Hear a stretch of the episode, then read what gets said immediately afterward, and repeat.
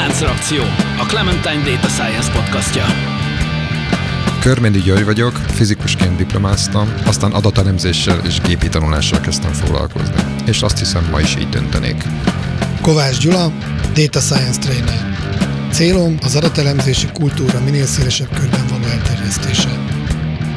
Könyves Tóth előtt vagyok, hivatalosan matematikát, programozást és pszichológiát is tanultam, de az életben azt is megtanultam, hogy a nem hivatalos tanulmányok éppen annyira fontosak.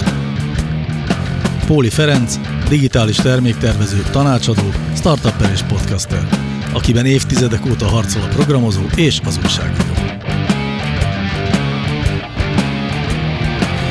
Szervusztok, ez itt a Láncreakció Podcast, ahogy az minden héten, úgy most is. Ugyanaz a stúdió, ugyanaz a csapat, jó részt, de ma megint vendégünk van, mégpedig Windhager Pokol Eszter, aki a Starship a Head of Data Science pozícióját tölti be jelenleg, de egykor talán ezt nem titok elárulni volt a Clementine-ban is e, dolgozott ott, e, illetve itt van Gyuri Gyula és én is, Feri, és ma olyan témáról lesz szó, ami szerintem a hallgatóságunknak egy olyan, egy olyan határterület, határtéma, mert valahogy a, a nők helyét keressük a adattudományban, pontosabban a, a be nem töltött űrt, mondhatok ilyet, hogy azt a, azt, az, azt a visszásságot próbáljuk megfejteni, hogy, hogy miért van kevesebb lánya adattudományban, mint fiú.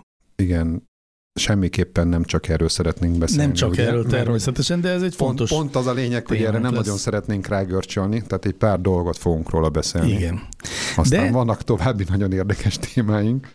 Na de, úgy szoktuk mindig kezdeni a beszélgetést, hogy én felteszek egy váratlan kérdést a többieknek, hogy nem tudom miért, mert ezt így szoktuk meg már igazándiból. Ez valami ezért. drámai hatáskedvéért Ah, igen, kitaláltad, igen. és azóta így van. Igen, lehet, hogy csak a jégtörés funkcióját tölti be. Minden esetre a mai kérdésem az úgy szól, hogy ö, ha jól gondolom, akkor a stúdióban ülők, hát háromnegyede legalábbis lányokat is nevel otthon, ugye? Gyurinak fia van, Igen, nekem, nekem nincs, és kicsit... Nekem két lányom van. Eszternek két lánya van, nekem két lányom van, Gyulának Két lány, egy van. fiú. Tehát akkor összesen hat lány, azt fel Igen. tudunk mutatni, és ellenpróbálnak ki- há, két fiút, ugye? Stimmel, nagyon jó. Na, szóval, hogy azt akarom megkérdezni, hogy a, a, a lányok, akiket így ismerünk személyesen közelről, ők hogy vannak a matekkal? Szeretik, nem szeretik? Ugye itt mindenki, tehát az összes apuka az valamilyen szinten matematikus. Én magamat csak tiszteletbelinek mondanám, de végül is diplomám van róla. Na, nálunk az anyuka a matematikus. Azt, ja, tudom, tudom, úgy értem, hogy a szülők, bocsánat. Jó, tehát, hogy, a, hogy matematikus szülők, azok elvileg eh, gondolom, hogy minden módon arra felé terelik a gyerekeket, hogy ez ne legyen egy, egy ilyen ellen, ellenszenves terület. Igen, nálunk ez elég jól működik. Tehát mind a két gyerek szereti a matekot kifejezetten, a kisebbik pedig valamilyen furcsaokból kifolyólag még tehetséges is benne. Nagyon Tehát jó. sokkal ügyesebb, mint én voltam annak idején. Tényleg? És élvezik ezt a, amikor mondjuk matek házit kell írni? Az, egy, az jobb, mint amikor, nem tudom, fogalmazást kell írni magyarból? Annál határozottan. Annál jobb. Aha, értem. Esetleg azon is gondolkodnak, hogy ezzel majd lesz dolguk a jövőben? Nagyobbik lányom őszinte biztos, hogy valami IT területre fog menni, a robotikát tűzte ki most célul. Értem. A kicsi még nem tudja. Hát én ugye egy kicsit idősebb vagyok, mint Eszter, úgyhogy a lányaim is más korosztály. A két lány az egyetemista, és a két lány pont megtestesíti azt, hogy mit jelent a szorgalom a matematikában, meg a lelkesedés. Alapvetően Anna lányom és a Laura lányom is okos. A hétköznapi értelemben mindenképp okos, viszont az Anna az irgalmatlan szorgalmas. De olyan szorgalmas, hogy, hogy szerintem az országban a number van. Tehát már-már bántóan szorgalmas. Nem bántóan, mert én büszke vagyok rá, de iszonyúan szorgalmas, és ő a végére nagyon kikupálódott matekból, tehát a felvételi meg se kottyan, most az eltén progmatra jár, mindenből továbbra is ötös, mindenki hozzáfordul, elkezdett programozni, jól láthatóan nulláról kezdtem el, soha életem nem programozott. Miben de... kezdett el Hát programozni? ott mindent tanítanak. Tehát ez számomra döbbenetes. Hát honlapokat is csinált Hogy manapság, manapság Hogy mik a- manapság, igen. Tehát, hogy egy első Igen. éves progmatos miben Már programoz? másodéves, de Másodéves honlap, programoz. csinált saját honlapot, ilyen egészséges életmódról, most csinált egy mo- mobil applikációra egy, egy, egy játékot. Aha, tehát Gyula nem tudja. Mit? Hogy miben programoz? Nagyon Ja, izgat a kérdés. Hát C++, biztos Fortran, Fortran meg Java, Fortran, Cobol, Prolog, 68. Prolog, Python, Python kurzusra is beiratkozott. Python? Mondom, Aha. minden. Tehát minden. Aha, Uh, és ezzel szemben ott van Laura, ő is nagyon okos, de világéletében utálta a matekot. Nem csak a matekot, hanem az összes matek tanárt. Ez, ez nála már személyes ügy volt, és nagyon-nagyon gigantikus energiákat öltünk bele, hogy, hogy egyáltalán eljusson az érettségig, ahol viszont egy néhány hetes tréning után ö, majdnem négyest írt. Tehát ez is mutatja, hogy a matematika az egy illúzió, hogy csak képességek. A motiváció elsődlegesen. Hogyha valakit tudunk motiválni, hogy, hogy foglalkozzon matekkal, akkor megdöbbentő eredményeket lehet gyorsan elérni a matika, ma- matematikán belül. De abban a pillanatban, hogy leérettségizett, azóta teljesen elengedte ezt a területet. Tehát ez a két véglet, ahogy látjuk, és csak érdekességként mondom, hogy a fiam, aki most jár ugyanabba a gimnáziumba, de még jóval lejjebb van, még messze van az érettségi, ugyanahoz a matek tanárhoz jár, és ő kedveli. Tehát jól látható, hogy még az sincs, hogy van egy gonosz tanárnő, uh-huh. aki elveszi mindenkitől az életkedvet, hanem van, akinek ez a stílus bejön, van, akinek nem. Úgyhogy én mindent, tehát mindent láttam meg az ellenkezőjét. értem. Hát azt hiszem, itt le is lehetne zárni, de még nem zárjuk le. egy Én picit. hozzáteszem az én tapasztalataimat is, hiszen én, nekem két 14 éves lányom van, és én azt látom, hogy a számukra a matek tanítás módja, tehát ahogy őket az általánosban tanították, az eleve lehetetlenné tette, hogy kedveljék ezt a dolgot, és én nem tudtam ellensúlyozni ezt. Lehet, hogy nem is próbálkoztam vele eléggé, de mondjuk leginkább azért, mert ezt nem is akarták, hogy nagyon próbálkozzak. Tehát, hogy ők annyira elutasították a matekot, és annyira azt látszott, hogy nekik képleteket tanítottak, tehát uh-huh. hogy soha nem magyarázták el a dolgokat, és egyébként sokszor volt olyan élményük otthon, hogy amikor én aztán elmagyaráztam egy tételt, vagy egy megközelítést, akkor így rádöbbentek, hogy de jó, hát ezt így, ezt így értem. Uh-huh. Szóval, hogy, hogy, hogy én azt látom, hogy ők, ők iskola példája annak, hogy egyébként alkalmasak lennének, tehát én azt gondolom, hogy egyetértek Gyulával, hogy, hogy nem ö, kép, készségekről szól feltétlenül a dolog, de hogy maga a tanítás módja az adott esetben teljesen félre kanyarítja a- fiatal ember gyerekeket, hogy a lányokat jobban vagy kevésbé, azt nem tudom, az már egy másik kérdés, de erről ma még fogunk azért beszélgetni. Én csak annyit tennék hozzá, nem akarok a matekba belemenni, mert egyszer már kidumáltuk, hogy ö, pont valamelyik héten tanult a fiam a Pitagorasz tételét. És akkor jutott eszembe, hogy a, a, a iszonyú, hogy mennyire ö, nem haknázzuk ki, hogy a matek mennyire marketingelhető. Szerintem a elsőtől egészen az érettségig legalább van 15 olyan bizonyítás, amit ha érdekesen tanít a tanár, akkor 10-ből 9 gyerek szerelmes lesz a matekba. És pont a Pitagorasz tétel egy ilyen. Vagy a számtani sorozatot ö, hogyan ö, számoljuk ki, és még egy csomó ilyet tudnék mondani, hogyha ezt tök jól marketingeljük ilyen ö, jópofa ábrákkal, ugye manapság már mások a vizuális igények a gyerekeknek, mint ö, mi időnkben, ezeket zabálnák. Igen, én is hiszem. Szerintem egyébként ezek már sokkal későbbi dolgok, már abban az értelemben, hogy a bizonyításokat, meg az ilyesmi összetettebb fogalmakat, illetve összetettebb fogalmakra épülő képleteket, meg egyebeket, azt már eléggé az általános iskola vége felé tanulnak a gyerekek. Itt az az érdekes szerintem, hogy az egész matematikai szemlélet, meg ez a fajta gondolkodásmód, az már én nekem az az érzésem, meg meggyőződésem, hogy az már egészen kicsike. Tehát, hogy gyakorlatilag bőven noviskorban már fejleszthető. Igazából a, a világhoz való mondjuk ilyen típusú hozzáállás, ilyen típusú módon tudja a gyerek megközelíteni a, a dolgot, az a, a világot számokkal, meg, meg, meg matematikai fogalmakkal, az már, az már egészen ilyen, ilyen nagyon kicsi korba elkezdhető, és mondjuk én azt is gondolom, hogy ez egyáltalán nem kell feltétlenül a, mondjuk az iskolára várni. Egyáltalán formálisan matematika oktatást elkezdjék, és az általában is egyébként a matematikai fogalmaknak a megértése, meg felfogása, az már sokkal hosszabb folyamat által, mint amennyire az iskolában erre idő van. Tehát ugye általában bevezetnek egy fogalmat, és akkor már nem tudom, egy-két hét múlva már azt úgy kéne használni és érteni. Sokszor ez főleg a kicsiknél sokkal több idő, és hogyha ezt például egy csomó esetben így meg lehet előzni, vagy már akár valamilyen formában mondjuk az ember tud erről beszélni otthon, Most egy, de nagyon-nagyon egyszerű dolgokról beszélek. Tehát mit tudom, a számfogalmakról, az egyenlőség fogalmáról, az egyenlőtlenség fogalmáról, tehát na, nagyon egyszerű dolgokról tényleg. Tehát, hogy most az a, akár ilyen alapon, hogy most melyik pohárban van több víz, vagy nem tudom, hogyha most ezt a kettőt összerakjuk, akkor most melyiknek az több, súly, több a súlya, vagy ilyesmi. Tehát ilyen nagyon elemi dolgokról, hogy ezek mennyire körbevesznek bennünket, és egészen kicsi gyerekeknél. Ott olyan fogalmak tudnak kiépülni, meg megerősödni, amik, amik utána aztán nagyon hasznosak lesznek később. Egyetértek Gyurival, én kiskoruktól figyelmet fordítottam erre, és remek könyvek vannak, nagyjából két éves kortól kezdődően, amik ezeket az alapfogalmakat bevezetik, nyilván mesés formákban. Van a Pipacska és Kockapaci sorozat, aztán a mesés számok, számos mesék, abból is több könyv is van, Gyurka számolni tanul, stb. Ezek mind ilyen ovis korosztálynak. A Gyurka való. számolni tanul, ez nagyon régi könyv. Az a mi gyerekkorunkban is volt, de én Azért, emlékeztem, hogy én ezt nagyon szeretem. Én értelemszerűen megkaptam.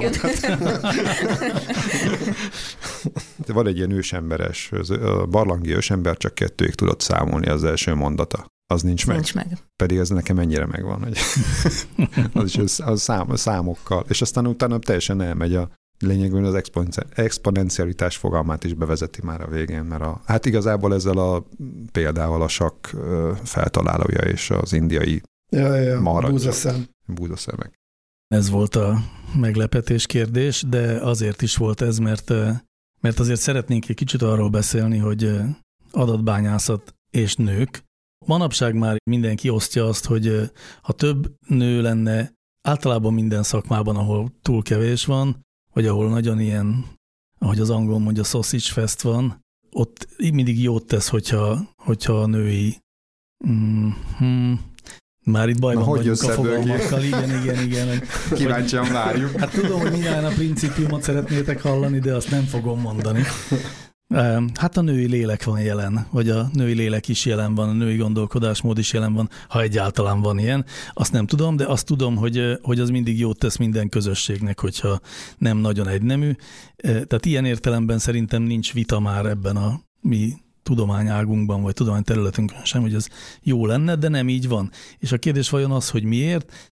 Nyilván itt van két nagy iskola, két nagy vélekedés, az egyik szerint a lányokat kevésbé érdekli a matek, a másik szerint ez kizárólag a, a szocializáció múlik, tehát azon, hogy mit mondunk a gyerekeknek kiskorukban, való-e nekik a matematika, vagy sem. És hogy ti erről mit gondoltok elsőként, és persze Esztert szeretném erről megkérdezni. Hát az biztos, hogy a lányoknak úgy általában véve valahogy kisebb az önbizalma ezekhez a témákhoz. És ebben biztos benne van ez a szocializáció, hogy kiskorukban meghallgatják, hogy a matek az egy fiús tantárgy, nem kell neked ebben okosnak lenned, és hasonlók. De várjunk, a, a, egy nagyon fontos dolog, amiről már megint többször beszéltünk, hogy a kutatások kihozták, kihozzák, hogy a nők ugyanolyan tehetségesek a matematikába, mint a férfiak. Tehát IQ szinten semmi különbség nincsen. Ugye két dolgot kell szerintem, akár matematikába, akár sakról beszélünk, akár miről beszélünk, két dolgot keverünk, hogy vannak a legjobbak, a legnagyobb nevek, ami valamiért általában férfiak. Tehát vannak nők, de, de, de ha most megnézzük a legnagyobb matematikusokat, mégiscsak a többség férfi. Ha megnézzük a legnagyobb sakkozókat, a többség férfi. De az csak egy a jéghegy csúcsa, és hogyha ahogy megyünk lefele, azonnal megjelennek a nők, és bizonyos tekintetben még jobbak is, mint a férfiak. Most ez, hogy az önbizalom valóban, tehát tanuljuk a matematikát 12 éven keresztül, és szinte csak férfi matematikust említenek a, az oktatásba. A lány mit vesz le, hogy ehhez a férfiak jobban értenek, de ez csak a jéghegy csúcsa. Arról is lehetne beszélni, hogy egyébként általános felmérések szerint még egy kicsivel jobban is teljesítenek a nők. Meg menjünk tovább egy picit, már is tegyük ezt helyre, hogy ha meg még tovább megyünk lefelé, és akkor a jéghegy alját, hogy alsó csúcsát keresünk, akkor megint több lesz a férfi. Igen. Tehát, hogy, hogy tehát, tehát az eloszlásnak a jellege olyan, hogy, hogy a, a szélsőségesen, tehát kiugróan az átlagtól eltérők között lent is, meg fent is több a férfi. Nálunk nagyobb a szórás, mondjuk ki. Igen. De talán egy picit visszamenve, tehát igazából azért azt talán elfogadhatnánk, és az a baj, nem mindenki fogadja el, és ebből szerintem adódnak problémák, hogy tehát vannak asszimetriák a világban. És sokféle asszimetria van az emberek között, és az egyik az például a férfi még a nő közötti asszimetria, tehát hogy nem vagyunk egyformák. És ezzel igazából nincs mit kezdeni, ez ilyen a világ. Csak, csak azt, hogy bizonyos helyzetekben ezt mondjuk hogyan tesszük feloldhatóvá vagy élhetővé, arról, arról tehetünk. Nem az a probléma, hogy mondjuk kevesebb a női matematikus vagy a női STEM-mel foglalkozó ember, mint fiú. Ez valószínűleg így is fog maradni. Tehát ebbe, ebbe a nagyon nagy dolgok nem lesznek szerintem.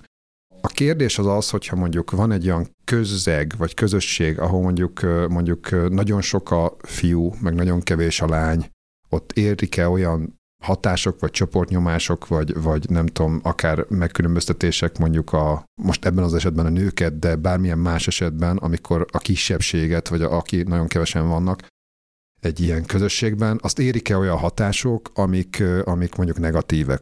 És azért korábban ezek esetenként jellemzőek voltak. Mondjuk én olyan közegbe nőttem föl, meg edukálódtam, a, főleg a, tehát mondjuk az egyetemen is akár, a volt, tehát ahol szintén kevés lány volt a fizikusok között is, de én, én nem tudom, én soha nem volt téma, meg én ezt nem is éreztem, hogy ez, nem is értettem volna, hogy ez hogy merül. Te nem érezted, de Eszter, neked voltak ilyen élményeid? Ja, van, van egy konkrét eset, amit el tudok mesélni. Kérdezzünk vissza. Tehát, okay. tehát az más, hogy mi férfiak mit érzünk, és más, hogy a nők mit éreznek. Szóval azon túl, hogy a nőknek ugye általában kisebb az önbizalma, erre egy picit ráerősít az, hogy a nőknek kicsit többet is kell teljesíteni ahhoz, hogy elfogadják őket.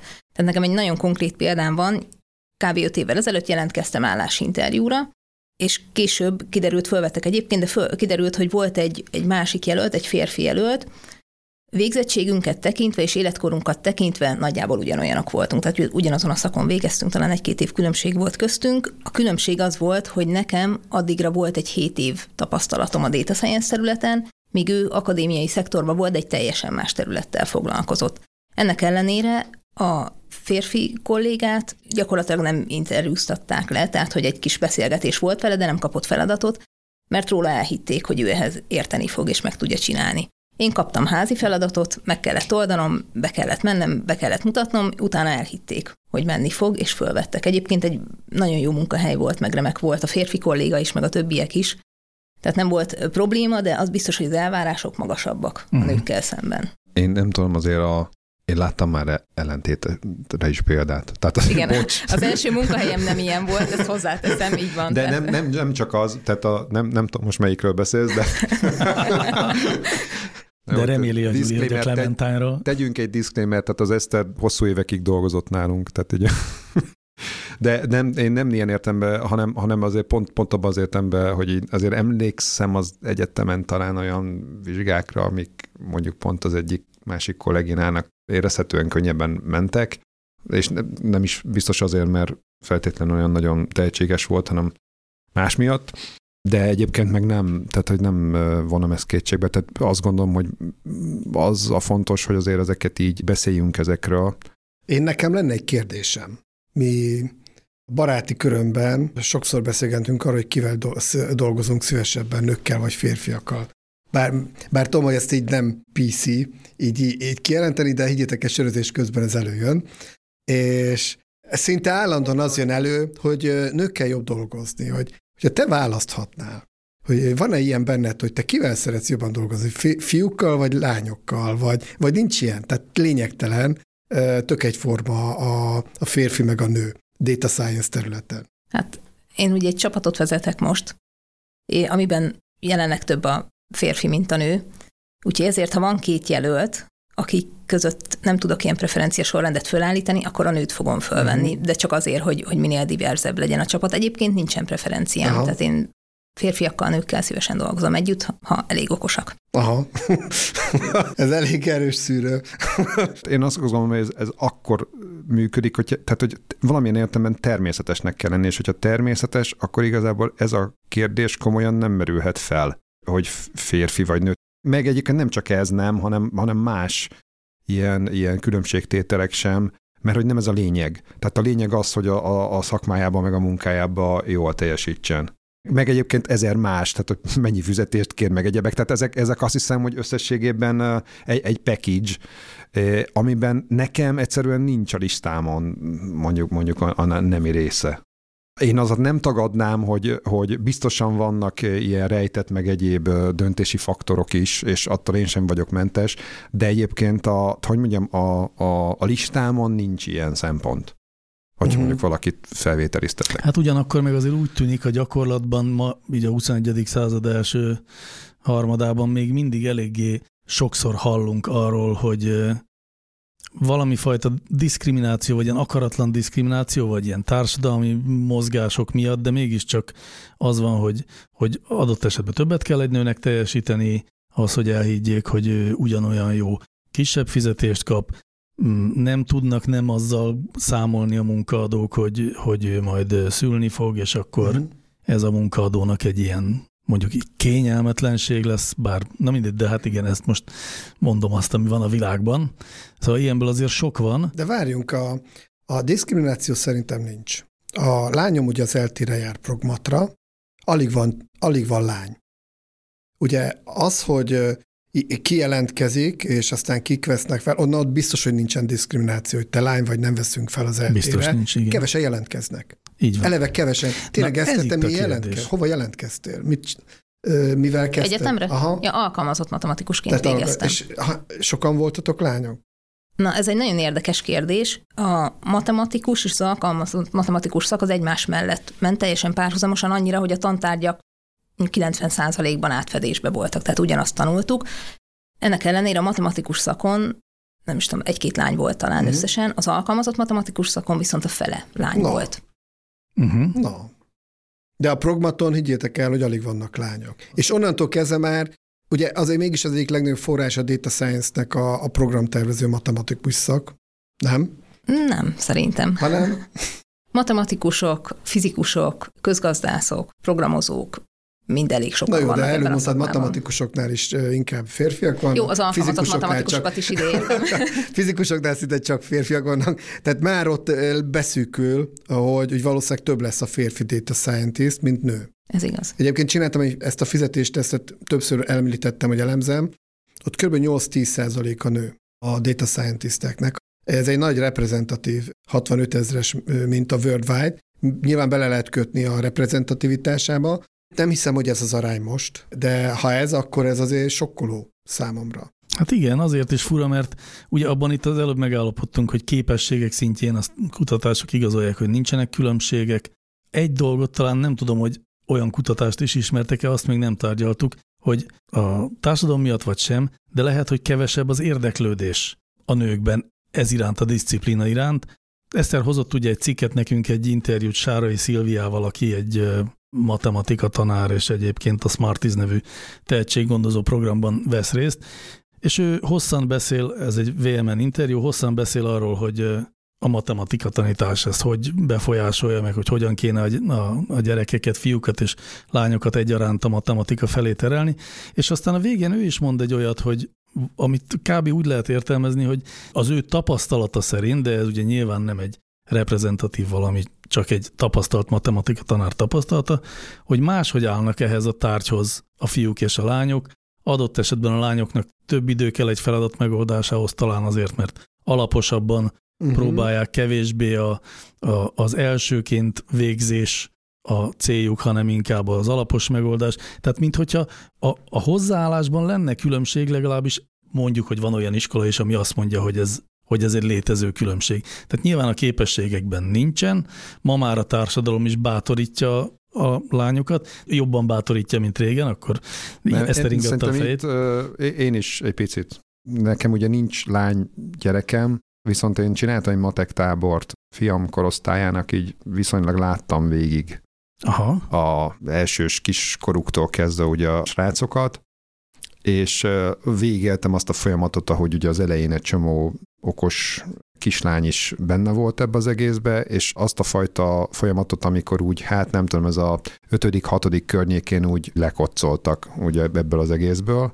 és az, az nagyon érdekes volt, mert én kimondottan küzdöttem ellene, de hát valami kevés eredménnyel. Én azt gondolom, hogy a lányok azok, azok általában a nők azok, azok érzékenyebbek a, a külvilágnak a elvárásaira, vagy a, nagyon sokszor a vélt elvárásaira. És egyébként én még ezt az önbizalom hiány kérdést is egy picit ide, ide kötném, hogy, hogy sokkal inkább figyelik azt, hogy, hogy mások reakciói milyenek, meg hogy milyenek lehetnek szerintük. És ezt aztán még nagyon sokáig túl gondolják. De hogy, a, de hogy alapvetően ez a fajta gondolkodás az, ami oda vezet, hogy mondjuk a saját nemi sztereotípiáikat, meg, a, meg az elvárásokat is egy picit túl erősítik, és hát például az jön ki belőle, hogy ez nem lányos dolog. A fiúknál is fontos egyébként ez, persze, tehát ők se szeretnek lányos játékokkal játszani, meg nem tudom, szóval ez is egy ilyen, ilyen mintakövetés, de ami a matekot illeti, meg ezeket a, a dolgokat illeti, én azt veszem észre az ilyen pubertás körüli lányoknál, hát itt a szülő. A szülő az nagyon-nagyon meghatározó, tehát hogy anyuka, anyukától mi van. Én mindig a, én, én csak a szülőket próbáltam egyébként kicsit csesztetni ebbe a, ebbe a témába, hogy ne engedjék ezt el, mert a gyereket, gyerek tehetséges. Tehát uh-huh. így hangsúlyoztam, hogy nagyon tehetséges, és érdemes lenne, és jöjjön és csinálja.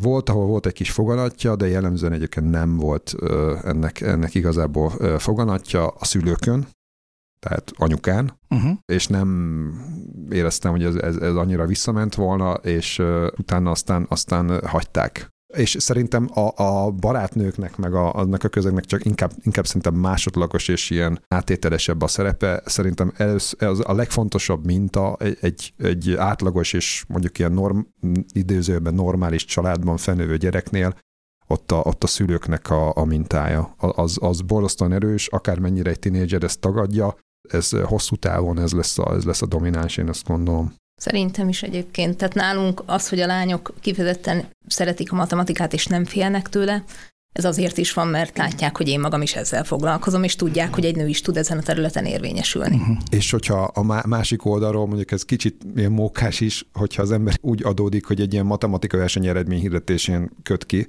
akkor azt látja, hogy az ottani gyerekek, fiúk, lányok vegyesen, anyuka jön hátulról, és az mindig valami nagyon matek tanár kinézetű anyuka, vagy, vagy igen nagy valószínűséggel. Tehát, hogy és aztán ki egy utána, matek tanára? Nem, igen, ezt, igen, ezt, nem akarom ez megnyitni. Ezt nem akarom megnyitni ezt a témát, de, de igazából ez be is, tehát ez, ez ennél, tehát nem csak a kinézetre mondom, tehát ez bebizonyosodott reprezentativitást súrolja gyakorlatilag a, a módszertanom, és állítom, hogy valója, valóban nagyon durván túlreprezentált mondjuk az ilyen típusú tehetséggondozásban, meg, meg matematikai eredményességben a, mondjuk az általános iskolában a, a, az egyébként matematikát ö, oktató pedagógus szülőknek a jelenléte, és ezen belül nyilván egyébként ott meg jellemzően a nők vannak már ott ö, domináns többségben, és egyébként ezt meg erről viszont emlékezzünk meg, hogy a matematikát többségében, domináns többségében, főleg a az általános iskolában, a középiskolában is viszont nők tanítják. Szerintem itt az van, hogy lehet, hogy egy folyamat közepén vagyunk, tehát most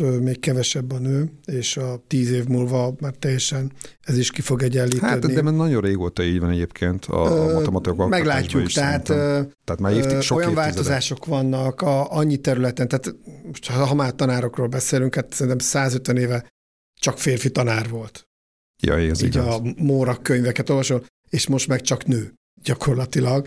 Tehát nem, nem lehet tudni. Szerintem például Hollywood ilyen tekintetben rengeteg pozitív dolgot tesz, hogy ezeket elmossa. Tehát pár éve volt három női matematikusról, azt hiszem az 50-es években játszott. Számolás joga. Én nem néztem meg. Pedig nagyon jó film. A, a, a feleségem imádta, a feleségem imádta. Nem azzal volt a bajom, hogy nőkről szól, hanem hogy nagyon nem hisznek valakibe, aztán kőkemény munkával megmutatja, hogy ő szorgalommal, kitartással, stb. eljut a csúcsra. Annyi ilyen film volt, hogy én már, már nem bírom ezeket végigkövetni, de ő csak jót hallottam erről a filmről, és az ilyen filmek, vagy a, akár a, ez a sakkozós film, ami most volt a vezércsel, hogy ez őrült nagy inspirációt ad a, a, a fiatal lányoknak, hogy hát nincs ilyen, hogy férfi szakma, vagy férfi tevékenység. Hát a, a vezércsel egy bomba jó nő alakította. Tehát még, még erre is figyeltek, hogy, hogy ne egy Na jó, csak ez további kérdéseket vet Igen, fel. tehát ott a sorozat arról szólt, hogy hogy boldogul ez a bombanő egy meglepően durván maszkulin világban. Igen. Tehát pont erről szólt Igen, az de utazása. szerintem oka volt annak, hogy nem csúnya színésznőt választottak rá, hogy ne az legyen, hogy oké, okay, lehetsz jó sakkozó, meg jó matematikus, ha csúnya vagy. Nem ezt akarták sugalni, hanem az, hogy, hogy független ettől a két dolog, egy bomba jó nő is lehet, világbajnok sakkozó. Egyre mélyebbre csúszunk, úgyhogy Eszternek arra a megjegyzésére kérde, vagy amikor ugye említ- említetted, hogy ugye a data scientist az ugye elég sok helyről jöhet. Igen.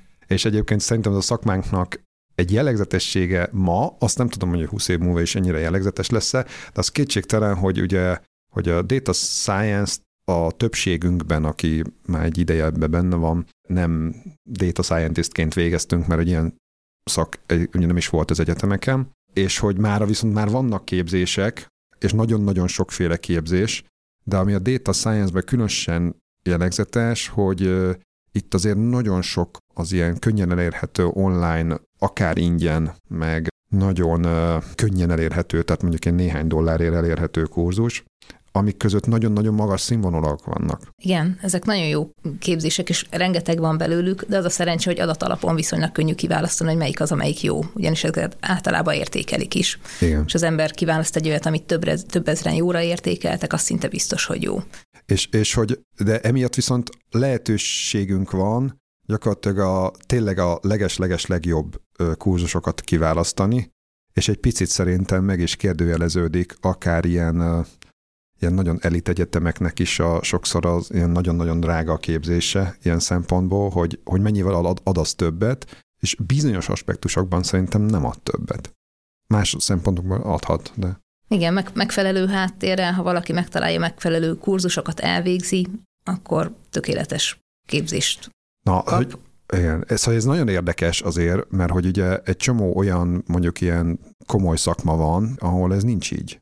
Tehát ahol el kell menni egy egyetemre, és lehetőség szerint ugye minden komolyabb és magasabb egyetemre, és a, a klasszikusan ugye az egyetemeknek a, a renoméját is ugye ez határozza meg, és emiatt volt egy olyan pozitív értelmű visszacsatolás, hogy a jó egyetemekre mentek a legjobbak, és aztán utána azok még jobbak lettek, ezért aztán már, ami jogosan ingatja itt a fejét velem szemben a Feri, mert nyilván ezzel ellentétes folyamatok is vannak, de hogy, de hogy, de hogy emiatt van az, hogy ha a CV-be beírsz egy, nem tudom, egy, egy amerikai csúcsegyetemet, akkor az várhatod, hogy az majd számítani fog, de minden esetre létezik egy ilyen típusú ö, logika. Viszont a data science-ben ö, ott, ott meg tényleg az van, hogy ha nem is a gyakorlati részét, magát az elméleti részét, meg a, meg a, meg a tanulás részét nagyon könnyen hozzáférhető ö, oktatásokból. De ig- igen, de uh, hagyd képzelem meg, mi- nálatok uh, vannak emberek, Gyurinál meg ezt neked is. Hány embert irányítasz? Heten vagyunk a csoportban. Heten vagytok, hogy ti már találkoztatok, olyan, van alattatok olyan ember, aki ilyen kurzuson lett tök jó da- data scientist, egy udemy például. Elméletileg vannak jó kurzusok, meg elméletileg ki is kupálódhat belőle egy tök jó data scientist, de én még embert ilyet nem láttam. Van Ez most sarkítok. Ne, van az elméleti tudás, tehát mondjuk a gépi tanulásnak van egy jól megtanulható tudás része, ami azért kell ahhoz, hogy mondjuk valaki tudja végezni a munkáját, de az, hogy valaki hogyan lesz jó elemző, az nyilván nem így. De hogy? Igen, viszont vannak olyan speciális területek, amikről, tehát vannak olyan kollégáim, volt kollégáim, akik, akik ilyen online kurzusokon szedték fel a tudást, tehát a, a NLP szövegbányászat, illetve a Deep Learning Computer Vision területen tényleg ezek alkalmasak, uh-huh. ezek a kurzusok arra, hogy az ember itt megtanulja, és utána dolgozzon vele. Én úgy képzelném, hogy amit Eszter korábban mondott, hogy aki megfelelő alappal áll neki egy ilyen uh-huh. Kurzusnak, az jár jól, mert azt hiszem, hogy az egyetem arra is szolgál, hogy ott három-négy-öt évig foglalkoz egy témával, annak minden aspektusával, a környezetével, a mikrotársadalmával, és amikor ott ilyen szemléletmódot is összeszedsz, meg általános tudást erről a, erről a világról, akkor utána már egy Udemy kurzus, ami csak a, a, a tudást, konkrétan az információt adja át, az elegendő lehet, de ha valaki, nem tudom, egy középiskolai matek érettségivel csinálna meg egy ilyen kurzust, az valószínűleg nem, nem segítene rajta igazán, Igen. ugye jól gondolom? Igen.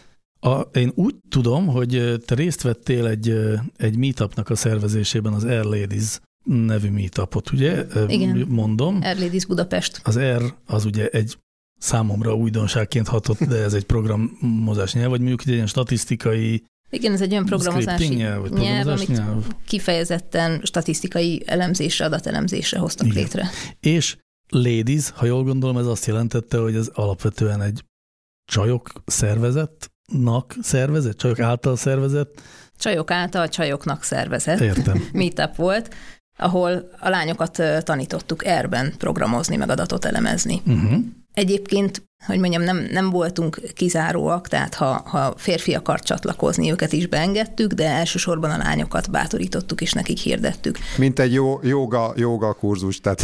El, elvittem a lányomat az egyik ilyenre, amikor még gimnazista volt, és beengedtek. Tehát odaülhettem a lányom mellé. Nagyon nem volt az, hogy az ajtónál... De mondtad, hogy kísérő vagyok. Tehát... és utána ódákat zengett rólad egyébként, hogy te, amit tartottál, tök jó volt, de ami utánad volt, volt, hogy abból egy kanyiszót nem érted. Szóval a lányoknak szüksége van az ilyen közösségre, mert ez tényleg bátorítja őket. Én is az akkor tíz éves lányomat hordtam ezekre az alkalmakra, és volt olyan felnőtt nő, aki azt mondta, hogy ő azért mert eljönni, mert tudta, hogy jön az én tíz éves lányom is. És Tök mert azelőtt azt gondoltam volna, hogy úgyse fog semmit érteni, nem jön, na jó, ha jön egy tíz éves lány is, akkor talán van esélye neki is megérteni, és így elmert jönni. És tart még ez a meetup? Hát sajnos, mint a legtöbb meetupnak is a koronavírus betett ennek a rendezvénysorozatnak, úgyhogy 2020, nem is tudom, január-február környékén volt az utolsó esemény, azóta nem szerveztünk uh-huh. többet. És az a helyzet, hogy ha ha szerveznénk is, valószínűleg már nem erben, hanem Pythonban folytatnánk. És hogy, hogy milyen, milyennek a váltásnak az oka? Hát a váltásnak az oka az, hogy a két programnyelvnek a népszerűsége is megváltozott. Ugye az R, R az nagyon sokáig az volt a, a vezető programnyelv az adatelemzésben, hogy ezt direkt erre hozták létre, de a Python az meg egy általános érvényű programnyelv, amibe már az R-nek a mintájára fejlesztették bele ezt az adatelemzési csomagot, a Pandas csomagot, és mivel ez egy általános érvényű programnyelv, meg, meg mondjuk más oka is vannak, de az a lényeg, hogy, hogy ez sokkal népszerűbb lett mostanra. Úgyhogy most már erre sokkal kevesebb helyen használnak. Egy picit még ilyen tágabb kontextusba hadd rakjam ezt, tehát hogy a adatelemzés meg a statisztikai elemzés igénye az a számítógépes feldolgozással egy idős.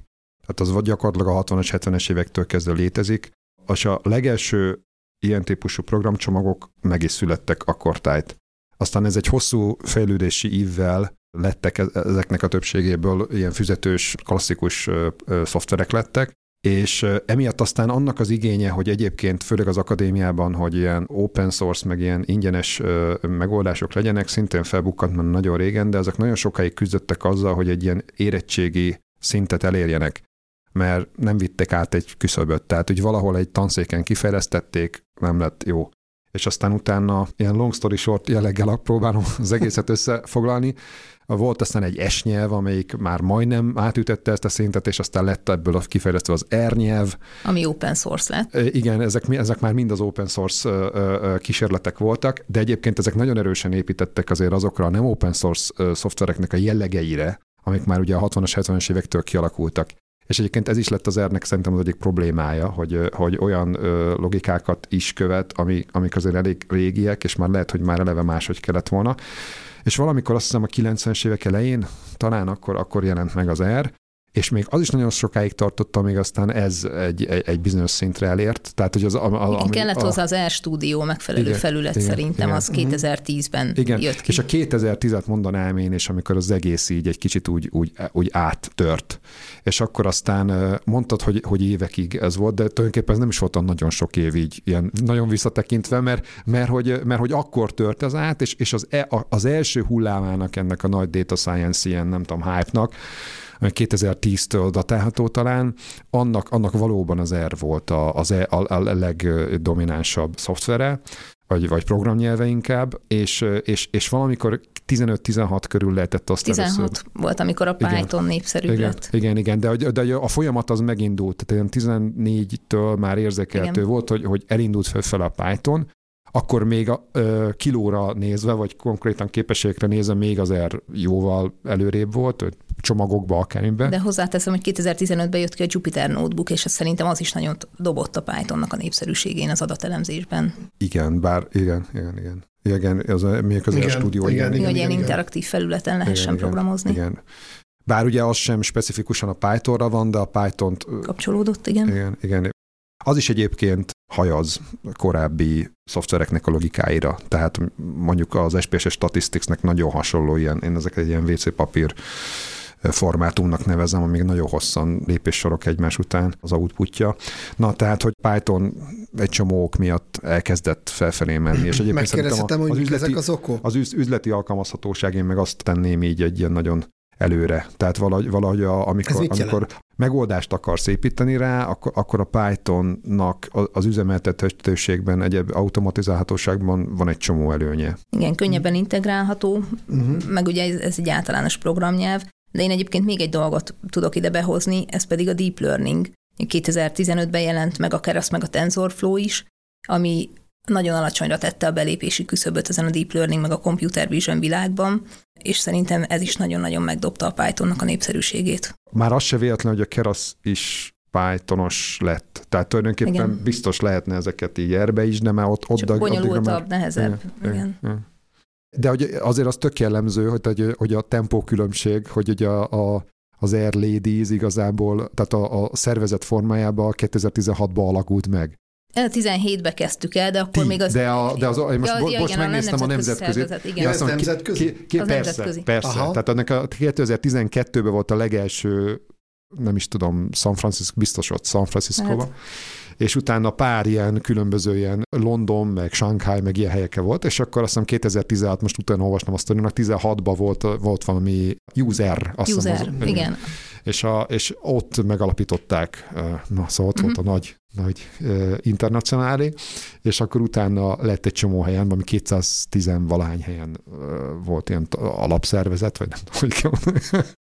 Az, az alapszervezet szép, szép kifejezés. és, és, és hogy tulajdonképpen az a vicc, hogy 16-ban már volt egy ilyen. Már Tehát, a, hogy, igen, és a eleve, Python előrébb volt. eleve, szóval az nagyon vicces, ugye bele van kódolva, vagy hát R-Ladies, tehát ott most majd fogtok majd Pythonról beszélni. Van PyLadies szervezet Tényleg? is. Na hát igen, akkor- úgyhogy akkor- át, átváltunk oda. Akkor tök jó. Na. Klubot váltunk. És egyébként, hogyha tudom is én a, a lányaimat akarnám így a, a, a programozás felé terelni, akkor a Python az egy ilyen jó belépő nyelv szerinted? Szerintem tökéletes. Igen? Nekem mind a két gyerekem Pythonban tanul Kicsit, kicsit túl jó is. Az mit jelent? Szerintem a Pythonnál van egy olyan veszélye, hogy, hogy akkor már az most az obskurus programozók szempontjából beszélek, hogy, hogy akkor nem fog rendes programnyelvet megtanulni. Tehát a Java Mert az nem obskurus- lesz hajlandó. Ugyanis az obskurus programozók között vannak olyanok, akik a Python nem tartják rendes programnyelvet. Uh-huh. Mert túlságosan kényelmes a használata. Én, én, én, nekem, nekem más félelmem van a Python. Pythonban nem vagyok túl jó, de tanultam, és ugye én nagyon szeretem ezt a no-code, ez a modeller, IBM modellert, mert ott kiélhetem a kreativitásomat. Tök jó elemzéseket. Csinálok eloszlást, új, új változatot, tehát ilyen, ilyen, ilyen, mint egy ilyen művészeti alkotás, úgy tekintek az elemzés folyamatára. Ezzel szemben elkezdtem Pythonozni, és azonnal, mint 20 év tapasztalatát elfelejtettem, beraktam ciklusokba a változókat, és gradient boostingot különböző paraméterezések mellé legyártottam 200-at néhány perc alatt, azonnal kiválasztottam a legjobbat, és gyakorlatilag egyetlen egy dolog volt a szemem előtt, hogy a modellnek a teljesítménye minél jobb legyen, és ezt én programozási problémaként éltem meg, hogy hogy tudok még még több paramétert beilleszteni, szűrni, stb.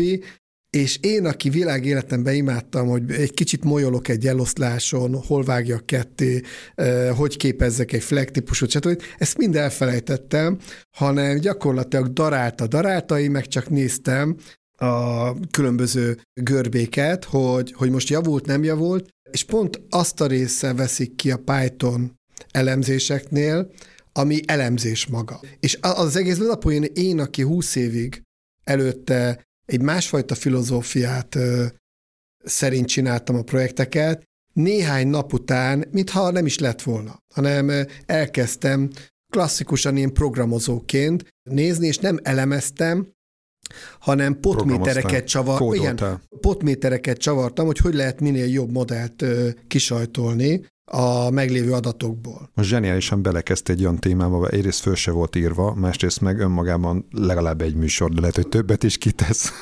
de legalább lesz miért visszahívnunk az ezt. Pontosan beszéljük meg, hogy ezt újra visszahívjuk, és akkor erről beszélünk egy hosszabb, hosszabbat is akár. Oké, okay.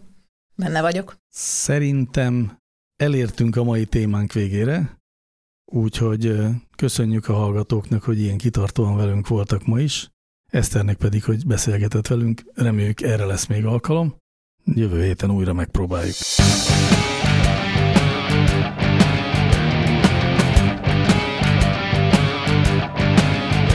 Láncreakció, a Clementine Data Science podcastja.